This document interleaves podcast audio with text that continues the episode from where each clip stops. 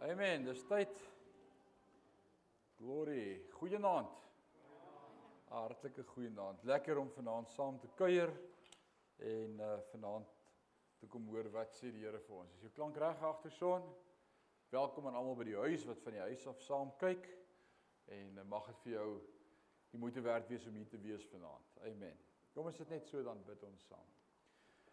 Hemelse Vader, baie baie dankie vir 'n groot voorreg om te midde van tegniese challenges in ons dag en era en by die huis sonder beerdkrag en alles wat gebeur nog steeds by u huis te kan wees en krag te kan hê en u woord te kan oopmaak en vanaand fellowship te mag hê, samesyn van die heiliges. Dankie dat ons mag saam kuier vanaand rondom u woord en ek wil bid dat u woord vanaand vir ons soos elke keer as ons dit oopmaak net sal 'n wow wees. Dat u vanaand met ons sal praat met elkeen van ons. Ons stel ons hoop, laat my oorloop van al die volheid waai deur my. Is ons gebed in Jesus naam en sê ons sê amen en amen. Great. Ons is in die boek Kolossense. Ek dink ons gaan nog so 'n aantal wat in Kolossense wees, lyk like dit vir my. Maar uh ons is nog in Kolossense. Wat is fout?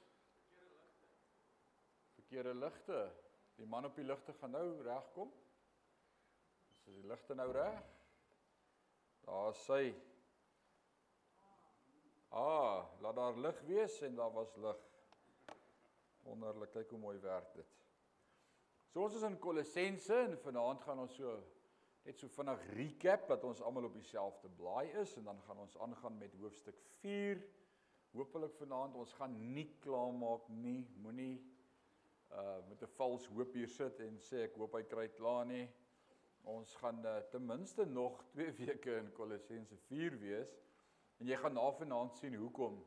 Want Kolossense 4 is 'n ongelooflike hoofstuk met inhoud. Onthou net weer, toe die skrywers, die outeurs van hierdie boeke dit geskryf het, was daar nie hoofstuknommers en en versies gewees wat ingeskryf is vir my en vir jou nie. Die Bybelvertalers het dit ingesit sodat ons almal na dieselfde plek toe kan blaai en dieselfde plek kry. Dis eenvoudig dit. So uh, dit was een lang brief wat ingedeel is in sekere gedeeltes. Alraight, so Kolossense die boek deel met Waaroor gaan die boek Kolossense oor? Waarheid. Waarheid. Een weer, pragtig dit. Ja, een woord, waarheid. En dis waaroor hierdie boek gaan. In hoofstuk 1 die waarheid van die kruis en wie Christus is en sy goddelikheid en dat Christus alles bymekaar hou, eh, dat hy die univers bymekaar hou, dat alles vir hom geskape is, alles oor hom gaan en sonder hom niks kan bestaan nie. Dis waaroor hoofstuk 1 gaan. Hoofstuk 2 het hy gekom en dan praat hy oor die waarheid aangaande kultusse of sektes. So as iemand met jou praat oor 'n kultus of 'n sekte of iets wat jy moet doen om die hemel te bereik wat nie net genade is nie, Kolossense 2. Gaan wys vir hom daar. Alles is genade.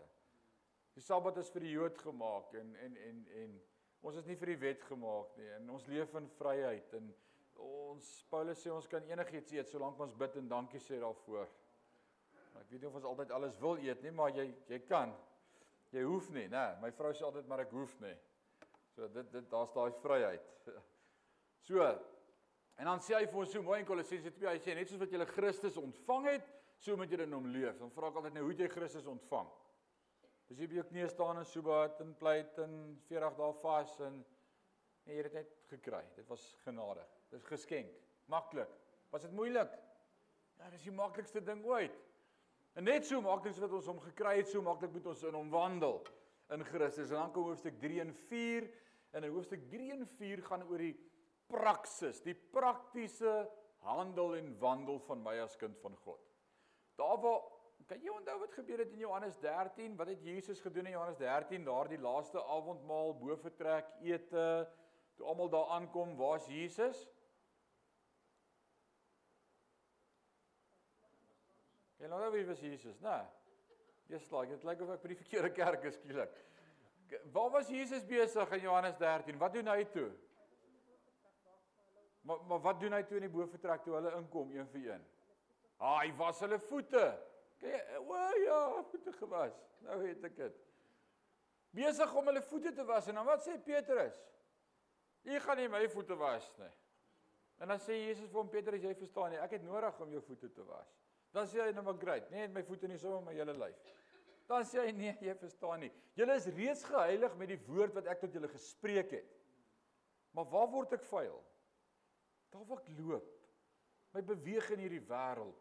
Die kringe waarin ek beweeg. Dit waarna ek geluister het toe ek verby iets geloop het en te lank stil gestaan het of deur die gaatjie waar ek geloer het. Dis dis dis my wandel. In hoofstuk 3 en 4 van Kolossense spreek juis dit aan, my wandel in hierdie wêreld. Dit waarvan ons vrykom, vers 1, 2, 3 en 4 van Kolossense 3 praat oor ons is op pad hemel toe, gefokus op die ewige goed. Ons is op pad na ewigheid saam met God toe. Ons is gered deur genade. Ons het 'n tuiste en dis great, maar dan sê hy hier's 'n klomp goed waarvan jy al vrygemaak is en hier's 'n klomp goed wat jy nog 'n bietjie aan moet werk.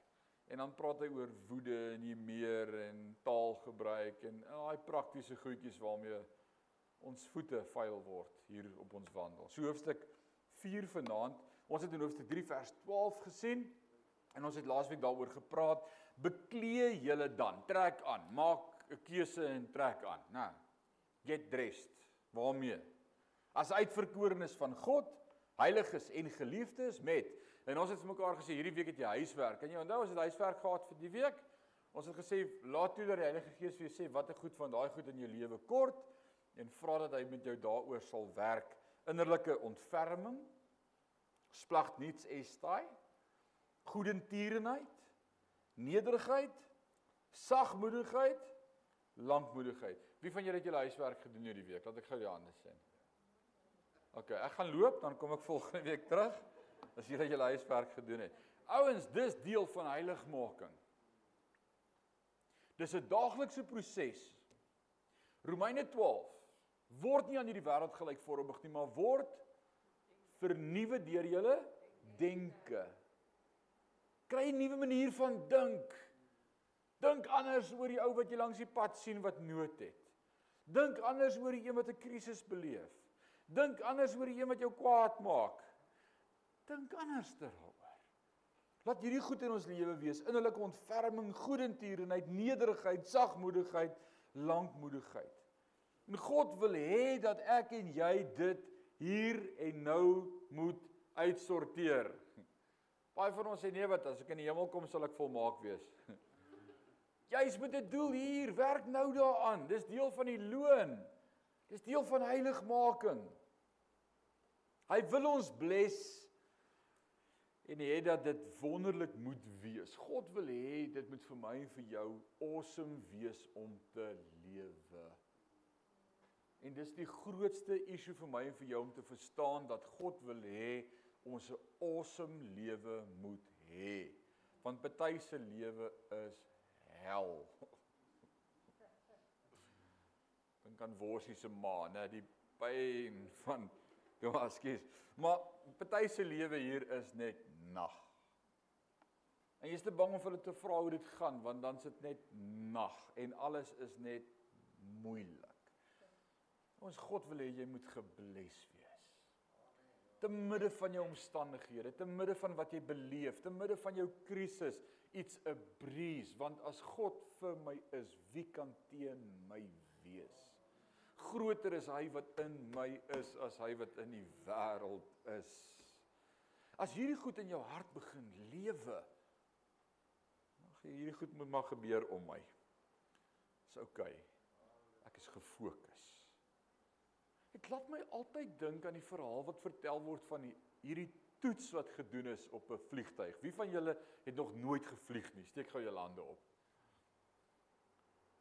Dis iets om te beleef. As ek reg as ek dit sê. Dis iets om te beleef. Ek is mal daaroor my vrou gaan my skei as ek al ooit weer laat vlieg. Sy sê as die Here wou hê sy moet vlerke hê, sou hy vir haar vlerke gegee het. Dis sy vlieg nê. Nee. Alraight. Ek love it. En, en ons het al redelik ver gevlieg. Ons was Israel toe en ek was Europa toe en ons was Italië toe en ek was al laas jaar was voor laas jaar was ons Kanada toe en, en dis vir my amazing en, en ek wil dit so graag met haar deel maar sy wil niks weet van vlieg nie. Niks. Maar ek love it as sy saam vlieg want dan klou sy my die hele pad vas. Dis so awesome. Ek love dit. As ek kan net op 'n vliegtuig kan kry, dan's alles reg. Maar hierdie storie word vertel van hierdie toets wat gedoen is met hierdie twee individue. Dit is 'n toets. Daar was kameras oral in die vliegtuig gemonteer op hierdie spesifieke twee sitplekke en en daar's vir hierdie twee individue verskillende boodskappe gekommunikeer.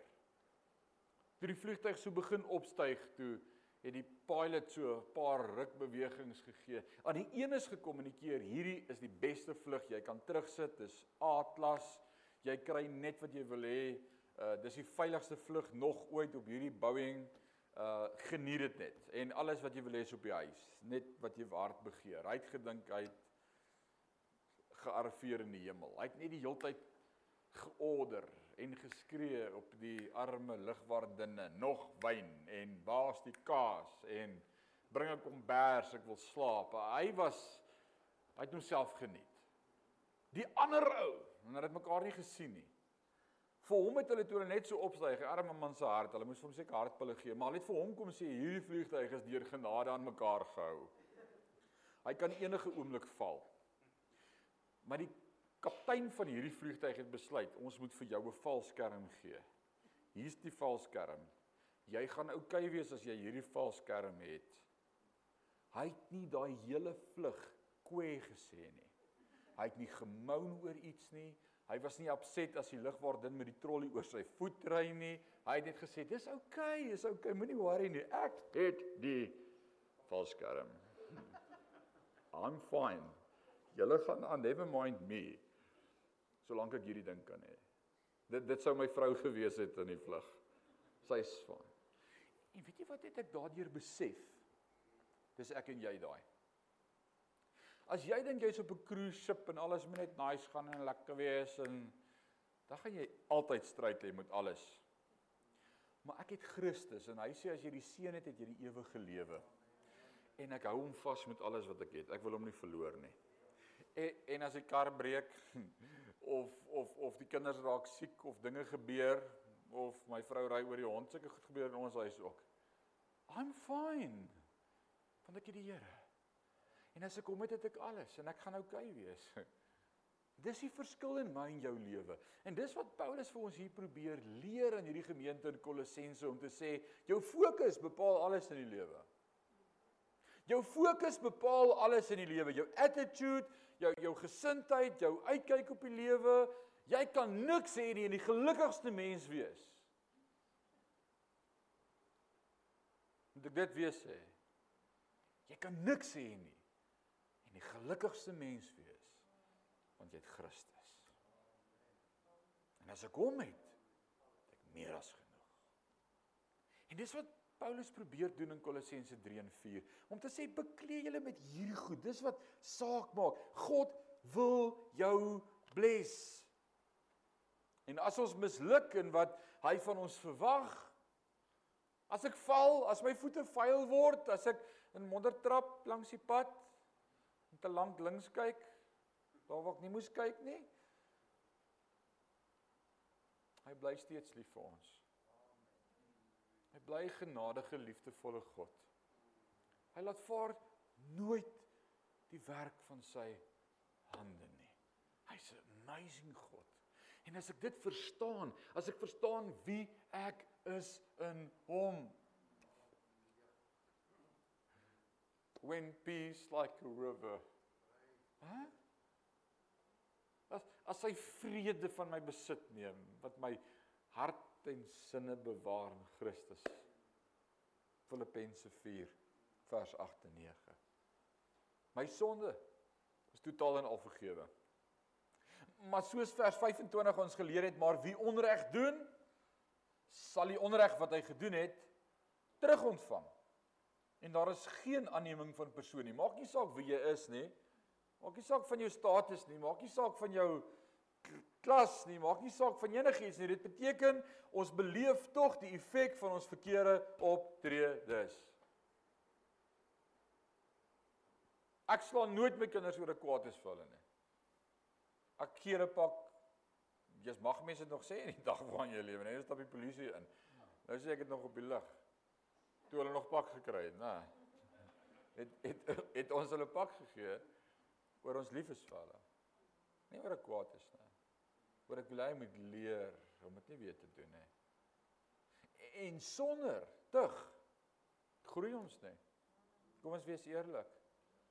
En ons sit met 'n generasie wat nie groei nie, wat nie verantwoordelikheid kan aanvaar nie want daar's nie gevolge nie.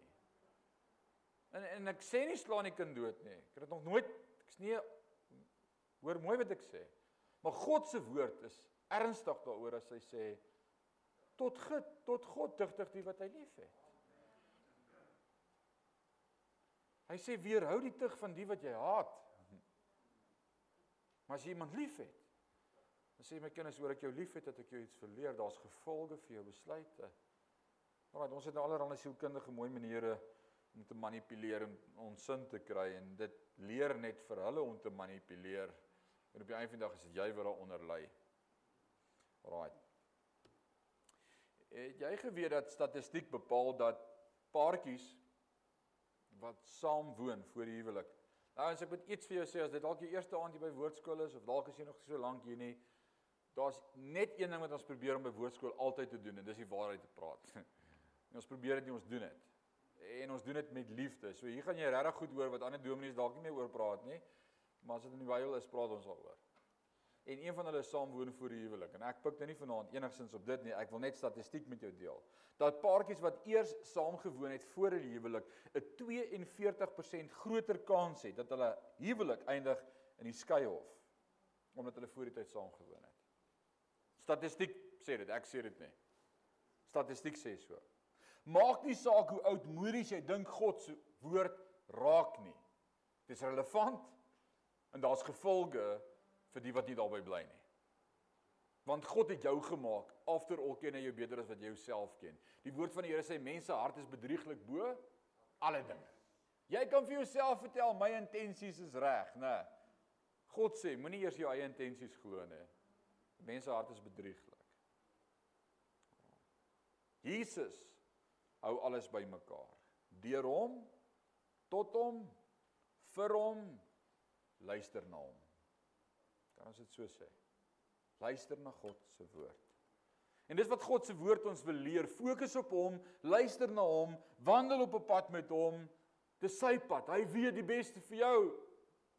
Ek en jy dink ons weet, ons is clueless. Ons weet nie. Dis so goed soos wanneer een van my twee seuns vir my wil vertel hoe moet ek die huis ran en my finansies hanteer en my kar bestuur. Dan sê ek gou vir hom luister boet, laat pa nou vir jou mooi vertel. In die huis is ek die baas en jy klaas. En as jy eendag in jou eie huis is, kan jy maak net wat jy wil. Maar in die huis is dit hoe dit werk. Is dit nie hoe dit moet wees nie? En en God sê vir ons dieselfde. As jy op my pad wil loop, Leon, as jy my blessings wil beleef, as jy geseënd wil wees, Leon, hier's die reël. Jy jy kan hulle almal breek as jy wil. Ek gaan vir jou lief bly. Maar jy gaan nie die blessing beleef nie. En dan beleef ek en jy die we experience the result of our choices en dit is nie altyd lekker nie. En dan dink ons nou is God kwaad vir my. Nee nee, hy is nie kwaad vir jou nie. Hy sê teleurgestel dat jy gekies het om nie die seën te wil beleef en te ervaar nie. Kies God se woord. So dit bring ons by hoofstuk 4. So ek wil sê hy wil ons bless en hê dat ons wonderlik geseënd moet wees. En nou kom hoofstuk 4 en nou praat Paulus oor hoe om geseënd te lewe, 'n vol lewe in oorvloed. God wil hê dat ons lewe 'n meesterstuk sal wees. Hy is besig om aan ons te werk en te bytel. Hy wil die beste vir ons hê. Hy het dit reeds gedemonstreer deur homself aan die kruis te gee. Hy het sy beste vir my en vir jou gegee. Hy het ons tot die dood toe lief. Daar mag nooit by my en by jou enigsins 'n twyfel daaroor wees nie. Hy gee om vir ons, so wat sê Paulus nou? Maar nou begin hy in hoofstuk 4 praat en hy sê en hy praat eerstens in hoofstuk 4 met wie? Wat staan in jou Bybel? Met Nee, le lees mooi wat hy daar sê. Masters baase My Afrikaanse 33 vertaling sê Here met 'n klein h. My Heer, nê, my meester, my eienaar, my baas. Hy praat met baase. Hy praat met werkgewers. Wie van julle is almal werkgewers? Almal wat werkgewers is, steek op jou hand. Al is dit net Sanna aan die kombuis. Jy's 'n werkgewer. Alraight. Hy praat met paas. Want jy gee tog werk vir jou kinders en vir jou vrou. Baie. Hy praat met maas wat invloed het op hulle gesinne, op hulle kinders. Hy praat met enige autoriteitsposisie of 'n gesagsposisie wat ander het wat na jou kyk. So eintlik wil ek vanaand die stelling maak, hy praat met elkeen van ons. Direk of indirek. Jy het invloed. Jy het mense wat na jou kyk. Daar's ouens wat leiding vat van jou, wat opkyk na jou. Jy het invloed. Hier's nie een van ons vanaand wat sê ek het nie invloed nie. Nee, as jy dit sê, is jy dalk onder die invloed. Maar almal van ons het invloed. Almal van ons het invloed. En dan praat hy met ons, maas wat kinders grootmaak, wat dit ook al mag wees, as jy invloed het op enige iemand of in enige situasie, dan is hierdie stuk vir my en vir jou. So dis nie net baas nie, dis elkeen van ons lewens, iemand wat opkyk na ons en nou leer Paulus ons wat? Wat sê hy vir elkeen van ons? Betoon reg en billikheid. Jo. Betoon reg en billikheid. Here, paas, maas, werkgewers, baase, manne, aan julle diensknegte omdat julle weet dat julle ook 'n Here in die hemele het. Wees regverdig. Ja, dit is 'n woordjie wat ons mis in ons dag. Daar's soveel onreg wat plaasvind. Daar's soveel. Dit is vir my so hartseer. Ek weet in 'n vroeëre gemeente uh, praat ek eendag met iemand en iemand sê vir my, "Hoorie, die die en die ou, ken jy hom?" Ek sê, "Ja, hy's by my in die gemeente." Hy sê, "Wat?" Ek sou nooit sê hy's 'n Christen eers nie.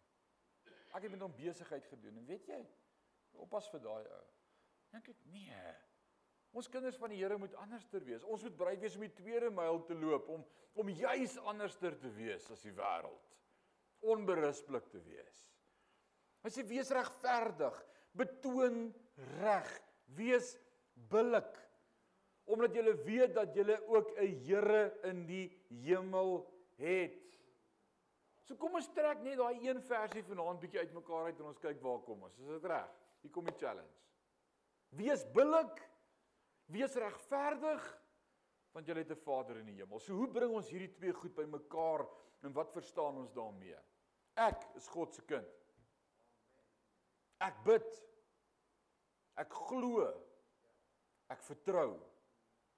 Ek maak foute. Ek ek weet nie jy nie, ek. Ek maak foute. Weet julle maak nie foute nie. Dalk was dit 'n fout om te kom vanaand.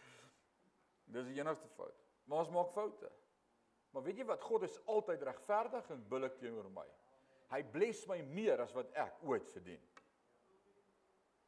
En die probleem is wanneer ek met my horisontale verhoudings vergeet wat in my vertikale verhouding gebeur, dat God my baie meer bless as wat ek verdien. En weet jy wat? Hy bless my om 'n blessing te wees.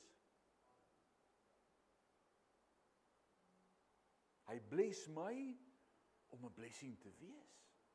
En omdat hy genade op genade aan my bewys wat ek nie verdien nie, want ek kan nie daarvoor werk nie. Ek is 'n slegte mens met verkeerde gedagtes en ek sukkel in my lewe, maar God seën my ten spyte van. En omdat hy my aanhou bless, wil ek ander bless ten spyte van.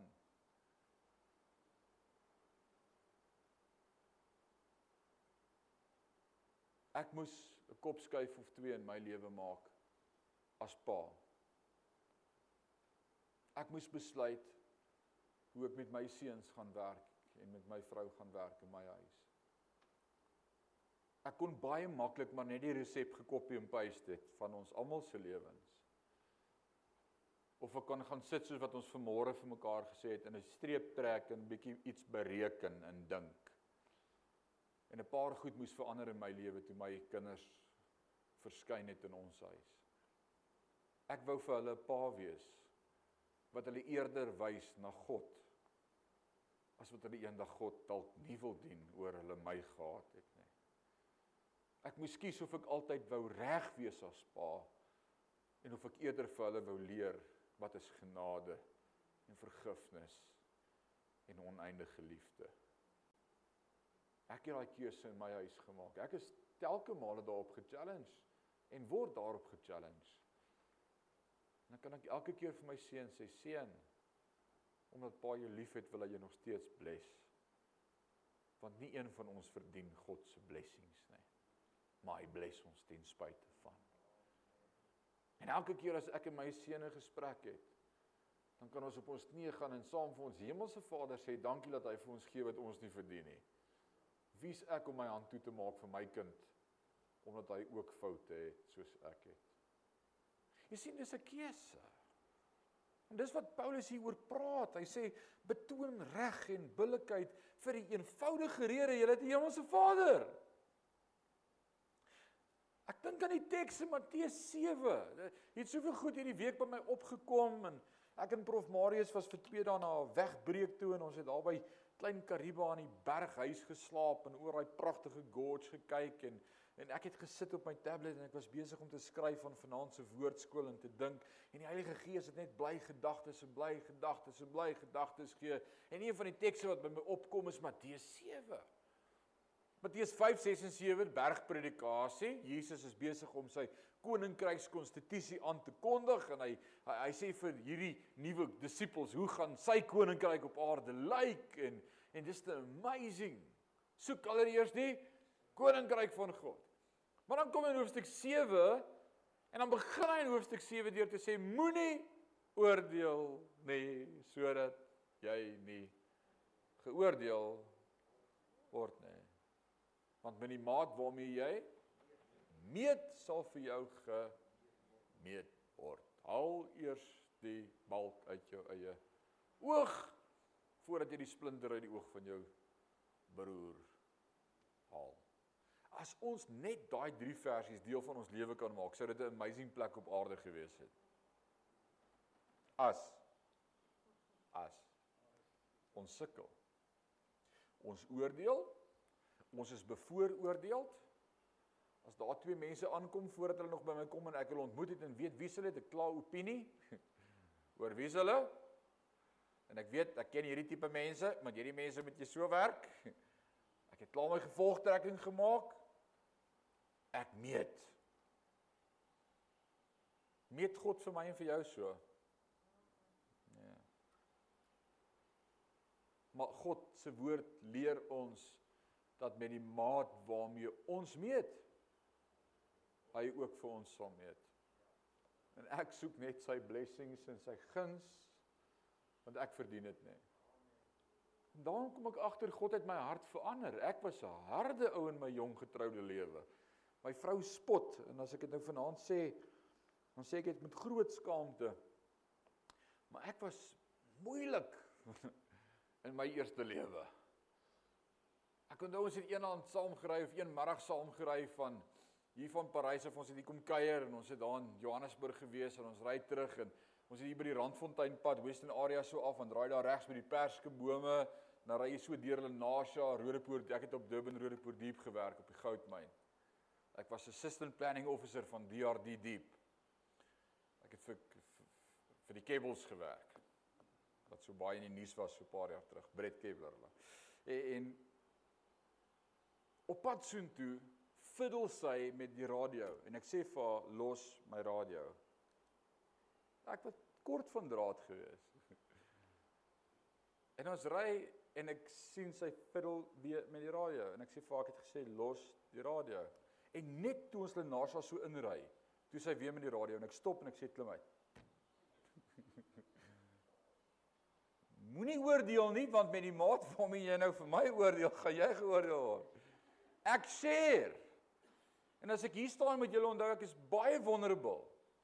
Maar God wil soms sê ons moet die goed share sodat ons oor ons issues kan kom. Ek getuig vanaand van die werk wat God in my gedoen het.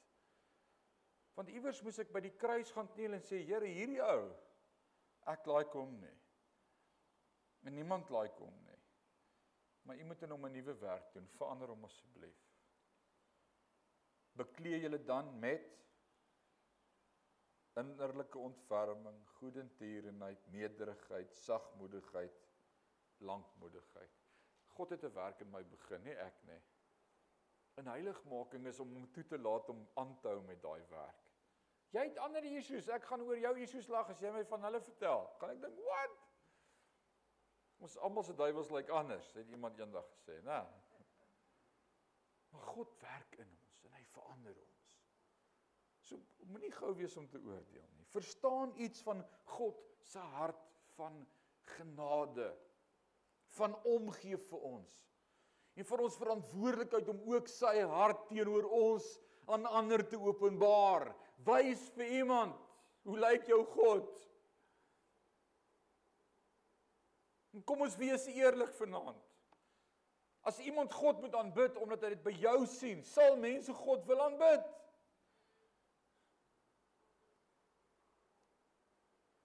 As mense dink God is soos jy, gaan hulle hom wil aanbid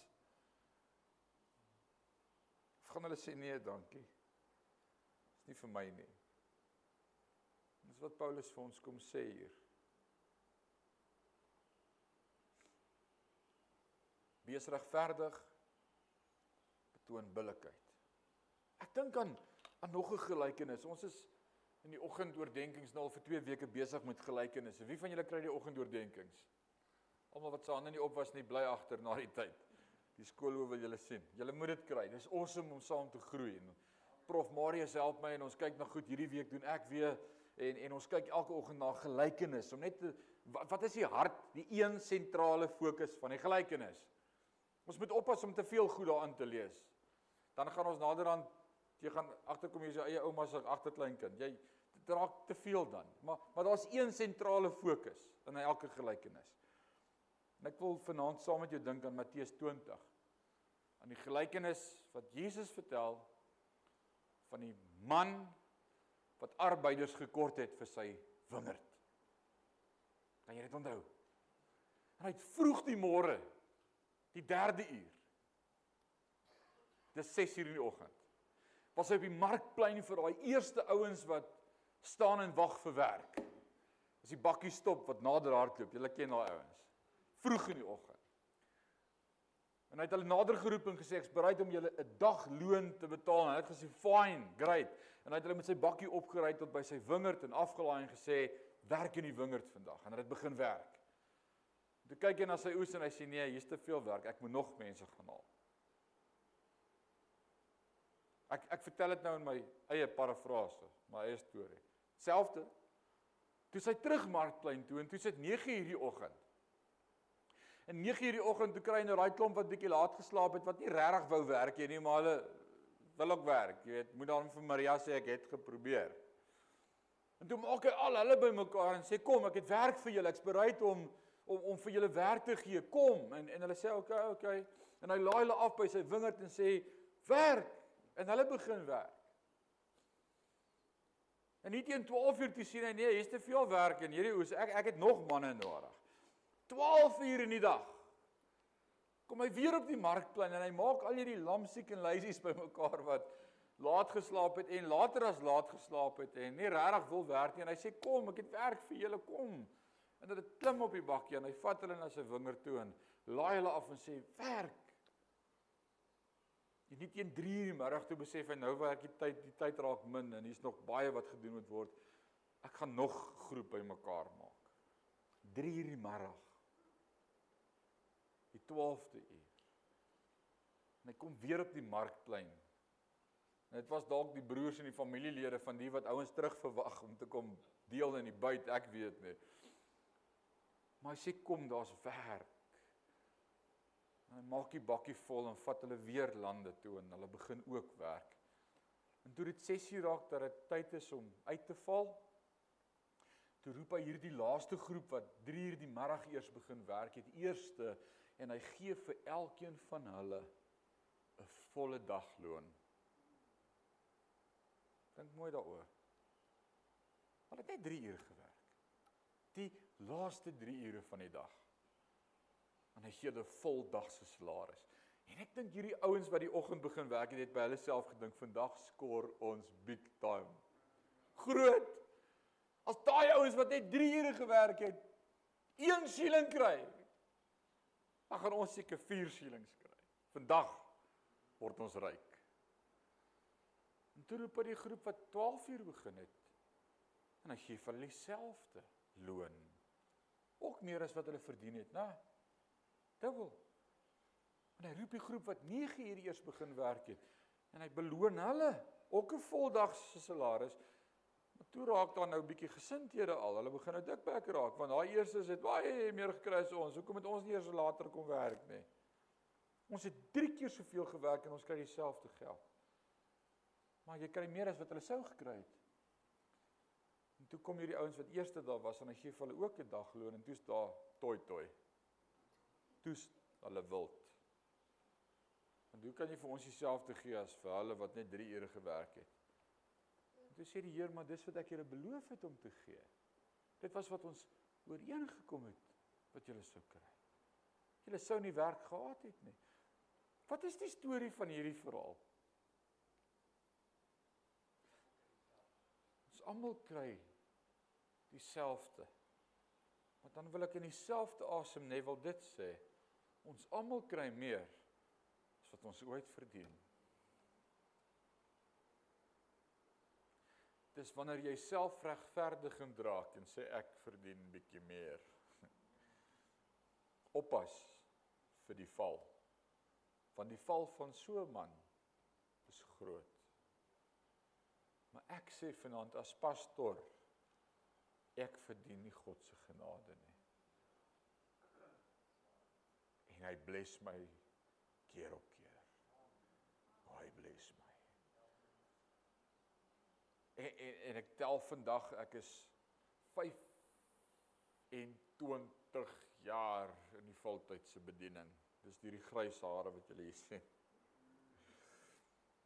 25 jaar. En my pa wat 40 jaar in die bediening was. Ons kry dieselfde loon by God eendag. En die ou wat laas jaar begin het, by God is dit dieselfde. Die ou wat die Here 60 jaar gedien het voor hy dood is, en die ou wat hom op sy sterfbed ontmoet het 'n uur voor hy sy asem uitblaas, God sê ek het dieselfde genade vir alle mense. Hoe kan ek dan nie daai genade aan die mense om en onder my bewys nie? Hoe kan ek dit vir myself hou? Ek moet dit aan hulle bewys. Betoon reg en billikheid, Here, aan julle diensknegte omdat julle weet dat julle ook 'n Here in die hemel het. Hy gee ons baie baie meer as wat ons ooit verdien. So maak nie saak met wie jy werk of wie na jou opkyk nie. Betoon reg en billikheid. Kom ons praat 'n oomblik om oor om reg te wees. Hmm, dis 'n interessante om reg te wees. Statistiek het my geleer dat die helfte van die individue wat nou voor my sit, die tipe temperament het wat gewoonlik dink hy's reg. Dis gewoonlik 50% van die huweliksmaats wat dink hulle is altyd reg. Nou kyk almal weg. Dis awesome. Alraai. Ek sal ook wegkyk. Iemand het eendag so mooi gesê, jy kan elke geveg wen en reg wees en die oorlog verloor. Dink daaroor, dit sal insink. Om reg te wees is nie iets om op trots te wees nie. Nee, wat? So wat? Jy kan aanhou om jou punt te maak tot jou punt die punt is en die enigste punt is en almal jou punt verstaan. So wat? Die grootste awesome ding wat die Here in my lewe vir my kon doen is om vir my te leer ek hoef nie altyd reg te wees nie. Inteendeel, ons beklei nou oor wie's verkeerd in die huis. Dis awesome. Okay, ekskuus, ek is verkeerd. Nee, ek is verkeerd. Nee, ek is ver ek sê ek's verkeerd. Nee, ek is mos verkeerd. Oppas vir dit, dis ook nie van die Here nie. Ek was eers verkeerd. Nee, ek was eers verkeerd. Hoor wat ek sê. Dis niks om reg te wees nie. Dis niks om jou punt te wys om vir jou kind te wys jy het 'n fout gemaak nie. Jy het alweer alweer 'n fout gemaak. Ek wil nie daai pa wees nie. God het my hart kom verander. Inteendeel, my kind weet net so goed soos ek wanneer ek 'n fout gemaak het as hy 'n fout gemaak het. Kom smeer God my neus met alle respek daarin en verduidelik vir my jy het 'n fout gemaak. Hæ? Ja, hy sê al was jou sonde soos Ek kan nog net dink en sê sorry, dan sê die Here waaroor praat jy? Waarvan praat jy? Baie keer bly ek stil en dan kom my seun by my en sê pa, dan sê ek vergeet daarvan. Maar maar vergeet daarvan. Baie keer weet ek nie wat hy vir my wou sê nie. Dan moet ek gaan uitfigure na die tyd, wat het hy gedoen? Maar ek het al vergewe, ek kan nie nou van vra wat jy gedoen het. Ek wil hy moet weet sy pa vergewe. Want weet jy wat, dis die tipe verhouding wanneer jy bou wat jou kind met enigiets na jou toe kan kom. En nie gaan bang wees vir 'n uittrap of 'n uitvreet of 'n aftakeling of 'n afkraak of 'n alweer jou pateet. En soveel van ons het in ons lewe gesit met sulke leiersfigure in ons lewens. OK. Moenie nou almen sê nie. Ek sê net. Vers 2. Kan jy glo? Ons is by vers 2. Vermaning om te bid en wysheid te betrag. 33 vertaling sê volhard in die gebed en waak daarin met danksegging. Volhard in die gebed en waak daarin met danksegging. Volhard in die gebed en waak daarin met danksegging. Volhard in die gebed. Hou aan bid. As ons praat oor gebed, dan moet ons praat oor die karakter in die Bybel wat vir ons voorgehou word as 'n man van gebed. Sy naam was Elia. Jakobus verwys daarna in sy klein boekie wat hy skryf Jakobus en hy hy praat oor Elia was 'n man van God wat gebid het. Uh, hy sê hy het ernstig gebid. Dis 'n mooi woord wat hy daar gebruik. Fervently he prayed and God answered. So kom ons praat 'n oomblik oor Elia. Kan jy onthou Elia daar in 1 Konings 18?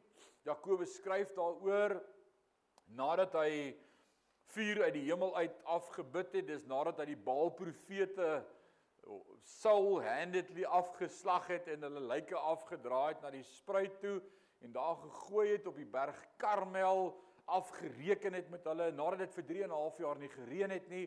Dis droogte. Nou dalk dink jy die goed is net stories in die Bybel. Nee, dis werklik. Ons was daar. Kan jy? Dit was ons eerste plek waar ons amper was in Israel. Voor ek Johan van die boot af gestamp het. Ek sal julle ander dag daaroor vertel. Die woord sê bely mekaar julle oortredinge. Talena lag jy. Dis glad nie snaaks nie. Ek skrik nou nog wakker in die aande oor daai dom optrede van my. Na 3 en 'n half jaar wat dit nie gereën het nie. Bid Elia, ernstig. Die woord sê ernstig. Nou daai daai woordjie wat gebruik word in die Hebreëse teks wat vir ons vertel in 1 in, in 1 Konings 18 oor hoe hy gebid het, uh, dui die liggaamsposisie aan. Hy het op sy knieë met sy kop vorentoe tussen sy bene. Nou jy moet baie bid om soepel te bly, hoor. Oppas vir ouderdom. Hy kon nog bid met sy kop tussen sy knieë bid hy ernstig. Nou hoekom sou hy so bid? Gaan dit oor die posisie? Dit het iets daarmee te doen met dis ernstig, daar's 'n verwagting. Dis dis amper in die posisie waar 'n vrou ook die geboortepyne sou beleef het op haar laaste stuk voor sy geboorte gegee het. Daar's 'n verwagting, maar daar's 'n intensiteit. Dit spreek van intensiteit. Die die ou mense het gepraat van jy moet 'n saak deurbid. Wie van julle het al daai term geken of gebruik of 'n ding moet deurgebid word? We have to pray it through. Jy kan nie net halfpad op en hierdie ding is nog nie deurgebid nie. Dis dis amper daai idee wat hy skryf en dan stuur hy sy dienskneg. Nou baie interessant dat jy nou daaroor gedink. Hierdie dienskneg van hom het nie 'n naam gehad nie.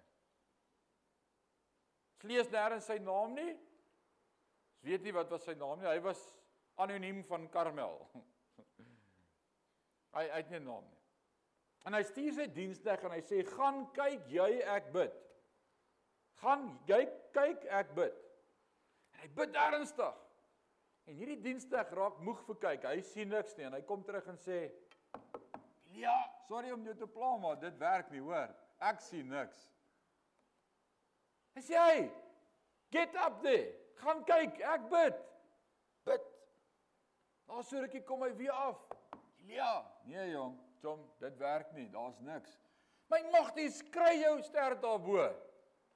Gaan kyk jy, ek bid derde keer. Hier kom die diensdag maar weer. Nee, daar's nog niks nie. 'n Vierde keer, 'n vyfde keer, 'n sesde keer. Bid hy ernstig. En hy hou aan bid. En dan kom hy diensdag daar met 'n spoed en sê hy luister. Daar's so klein wolkie. Klein wolkie. Daar's iets, Ilia. En sê hy leef hom groot reën te op pad. sien jou. En dan hardloop hy 70 myl tot by die paleis. Hoeveel kilometer is dit om 7?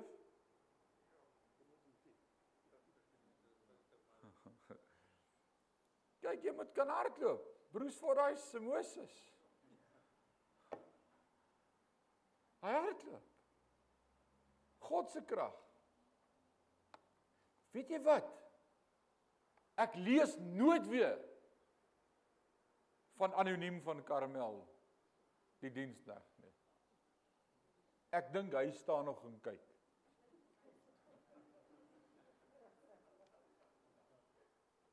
Soms lees ons nie wat ons lees nie en ons lees te vinnig en ons vra nie vir mekaar die vraag van waar daar staan nie en dit maak dat ons die blessing mis. Net 'n hoofstuk of wat later verskyn daar 'n nuwe diensneg in die lewe van Elia.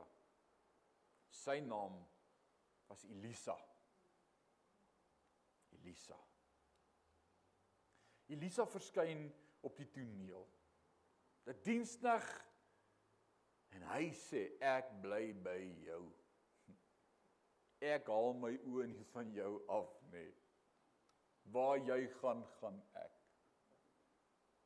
Elia sê gaan weg. Hy sê ek gaan nie weg nie. Die eerste plek waar hulle kom waar hulle saam is by Gilgal. Gilgal baie interessante plek. Dis die plek waar Joshua die manne van die volk voordat hulle Kanaan ingetrek het besny het. Dit is nie 'n baie wyse besluit vir 'n weermag die aand voordat hulle in 'n nuwe land intrek nie. Dis effens sensitief. Alles effens vulnerable. Gilgal spreek van deel met die ou mens en 'n nuwe geboorte in Christus. Dis wat Gilgal beteken. Die eerste plek waar hierdie twee saam is is by Gilgal. 'n tipe van wedergeboorte in ons lewe, 'n plek, 'n vertrekpunt in almal van ons lewe. Hoopelik was dit al daar, Gilgal. En dan sê Elia vir Elisa, "Hey, dis 'n goeie plek om te wees. Bly jy hier, ek gaan aan." Dan sê hy, "Ek gaan saam." En so kom hulle by die tweede plek. Nou nou die die eerste plek Gilgal deel met die besnydenis, dis 'n plek van reiniging. Nou kom hulle by die tweede plek Bethel. Bethel. Kan jy onthou wat by Bethel gebeur het? Dis nou nie Bethel hier in die Oos-Transvaal nie, man. Wat het by Bethel gebeur? Betel. Sê ek dit nou beter, Betel. Wat beteken die woord Betel? Die plek waar God was, the house of God. Jakob gaan lê en slaap met sy kop op 'n klip. Ek kan my kop op 'n klip sê ek het dit hier gedoen. Ons gebruik daai spreekwoord maar. Hy sit sy kop op 'n klip en hy droom en hy sien 'n leer van die hemel af met engele wat op en af gaan en hier's een wat lyk soos die seun van God en hy worstel met hom. En hy beklei met hom. Hy sê bless my, bless my. Ek is nou moeg om 'n bedrieger te wees. Verander my lewe, bless my. En die engel slaan hom op sy heup en hy's mank. En toe hy wakker word, hy sê ek het nooit geweet ek slaap op 'n plek waar God is nie. Ek het God ontmoet. Bethel 'n plek van realisering. Ek ek ek realiseer. E-, eers word ek gereinig dan realiseer ek wat is die werklikheid? God is hier. Hy's met my. Hy sal my nooit begewe en my nooit verlaat nie. En dan dan sê Elia vir Elisa, "Bly jy hier? Dis 'n goeie plek om te wees." Dis hier waar waar Jakob was. Hy sê, "Uh, uh ek gaan saam. Ek bly nie hier nie." En as Elia stap en omkyk, dan sien Elisa so in sy skade weer. Is bietjie anders as die eerste diensneg, né, van anoniem van Karmel. Hulle het gesê nee, ek sien niks gebeur nie. Ek bid en ek bid en ek sien niks gebeur nie. Ongeloof. Elia het gesê Elisa het gesê ek bly by jou. Dan kom hulle by derde plek. Hulle kom by Jerigo. Ons was daar op die heerlikste dadels in Jerigo. O oh man, kan julle dit onthou? Wie het kameel gery daar? Jy onthou, ons suster van die Kaap het kameel gery daar by Jerigo. Ek het 'n foto van dit nog. Pragtig. En dan kyk jy so oor na die berg van versoeking toe daar bo. Beautiful Jericho. Wat het by Jericho gebeur? Die mure. Die mure. Dis 'n plek van verwarring. Daar het iets gebeur by Jericho. Een keer 'n dag stap hulle vir 6 dae om mure. Dan die sewende dag sê God 7 keer. En dan val daai mure plat. Dis 'n plek waar God dinge afbreek wat skanse is tussen ons en hom. En dan sê Elia vir Elisa, dis 'n goeie plek om te bly. Bly hier. En dan sê Elisa, gaan saam. En dan kom hulle by 'n vierde plek. So dit was eers Gilgal, wedergeboorte, reiniging, dan Bethel, besef dat God by jou is, maak nie saak waar jy is nie, dan kom verwagting, maak nie saak hoe hoog die mure is nie, God is met jou, God sal 'n pan maak en dan die vierde een. Nadat hy vir hom gesê wag by Jerigo en hy sê nee, ek gaan saam kom hulle by die Jordaan. Hulle kom by die Jordaan. Die plek van oordrag, transformation. 'n Plek waar Israel hulle voete in die water gesit het en die waters geskei het is ook 'n plek waar Jesus gedoop is. En nou vra Elia vir Elisa: "Wat soek jy van my? Wat is jou keus?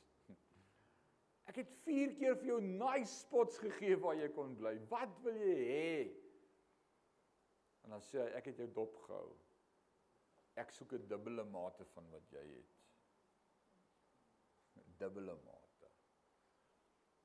En sê as jy dit soek, beter jy jou oë mooi op my hou. As jy sien as ek gaan, sal jy dit kry. En hy check hom al die pad. Al die pad. Hou sy oë oop. Hy slaap met een oog oop. Dis dalk waar die spreekwoord vandaan kom jy moet met 'n oop oog slaap, né? Hy het so geslaap. Ek wil vandag sê hou jou oë op Jesus. Dis wat gebed doen. By the way, jy het gewonder waar draai ek nou? Net hier. Jy's een van twee tipe mense. Net een van twee. Jy's of die ou wat nooit sien dinge realiseer waarvoor jy bid nie. En kort kort terugkom en vir die Here sê, "Maar ek het dan gevra en ek sien nog niks nie." Here, ek het U gevertrou. U het vir my gedrop. Of jy's die ou soos Elisa wat sê maak nie saak waar ons is nie. My oë is op U Maak nie saak waar U my lei nie. Ek volg gewillig. Maak nie saak al gaan ons deur 'n dal van doodskade weer nie. U is met my. U stok en u staf vertroos my. U berei 'n tafel voor my teenoor my teenstanders. U maak my hoof vet met olie. My oor. Selfs in die vallei van doodskade weer. My oë is op u.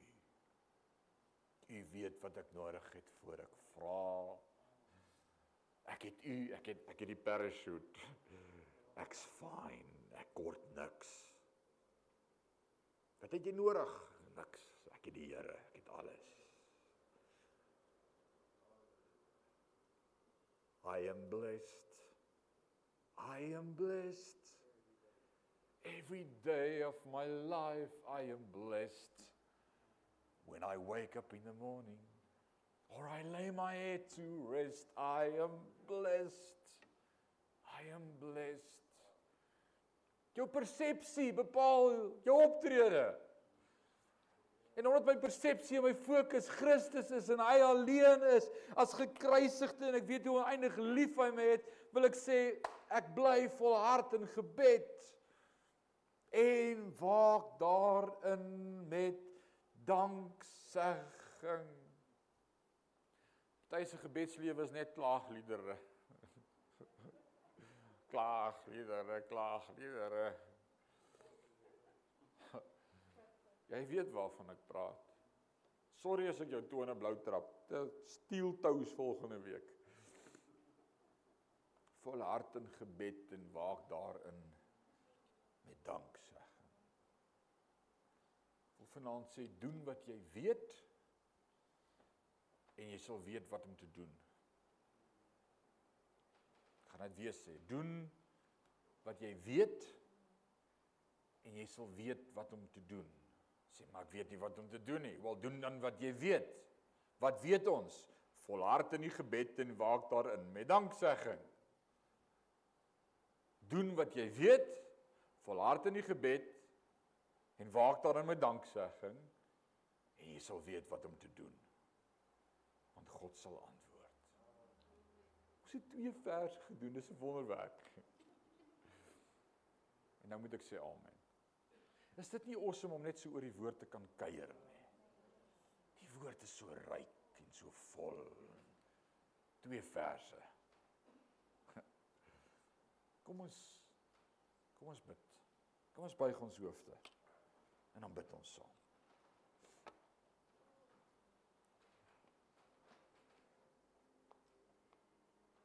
Here, dankie vir u woord. Dankie vir twee versies uit die woord uit wat so life-changing kan wees as ons hoor wat die Gees vanaand met ons praat. Here, ek wil vanaand bid. Help my om genade te hê met ander mense. Help my om nie vir mense te gee wat hulle verdien nie. Want U gee nie vir my wat ek verdien nie maar u bewys genade op genade op genade op genade op genade op genade op genade. Help my om nie reg te wil wees nie. Maar om die regte optrede te openbaar. Help ons om Christus te wys vir 'n wêreld wat u so nodig het. Skyn deur ons. Wees God deur ons. Wys vir 'n wêreld hoe lyk liefde deur ons Ons verdien nie u genade nie en tog yet you bless us abundantly day by day. And therefore we are so grateful. We are so grateful towards you Father God for just bestowing your blessings upon us day by day. You're amazing. You're a good good father. That's who you are. You're amazing. Here help ons om te volhard in die gebed. Help ons om ons oë op die regte plekke te hou. Om nie die een te wees wat anoniem van Karmel is wat tou opgooi en moeg word en negatief is en nie sien wat moet gebeur nie, maar help ons om die dinge te sien wat nie is nie. And I will see the things the things that be not just as thou they were. I will walk with the Father and I will reign like a king. Dis wie ons geroep het om te wees. En dis wie ons wil wees. Dankie vir u woord. Dankie vir die Heilige Gees. Dankie Jesus vir die ewige lewe, vir die kruis. Dankie. Dankie. Dankie. Dankie. Dankie. Dankie. Wil jy nie net daar waar jy sit net vir die Here sê dankie nie? Net dankie. For all that you've done, I will thank you. For all that you're going to do, for all that you've promised and all that you are, for all you have carried me through, I just want to thank you, Lord, for who you are. Thank you for keeping me. Thank you for blessing me. Thank you for your grace and your mercy. Thank you, thank you, thank you, Lord. I just want to thank you. I just want to thank you, Lord. Dankie. Maak ons dankbaar. Dankbaarheid vir elke skewe snytjie brood. Dankie, dankie, dankie, dankie. Hy wat die seën het, het die lewe. Dankie, dankie, dankie. Ons eer U daarvoor. Word verheerlik deur ons. Mag hierdie nie net woord wees nie. Mag dit elke keer lewensveranderend wees. Verander ons, verander ons, verander ons, verander ons, verander ons, verander ons. Hier is ek soos 'n stuk klei in die hande van die pottebakker. Verander my. Dankie daarvoor. Word verheerlik in en deur my is my gebed in Jesus naam en Sion sê. Amen en amen.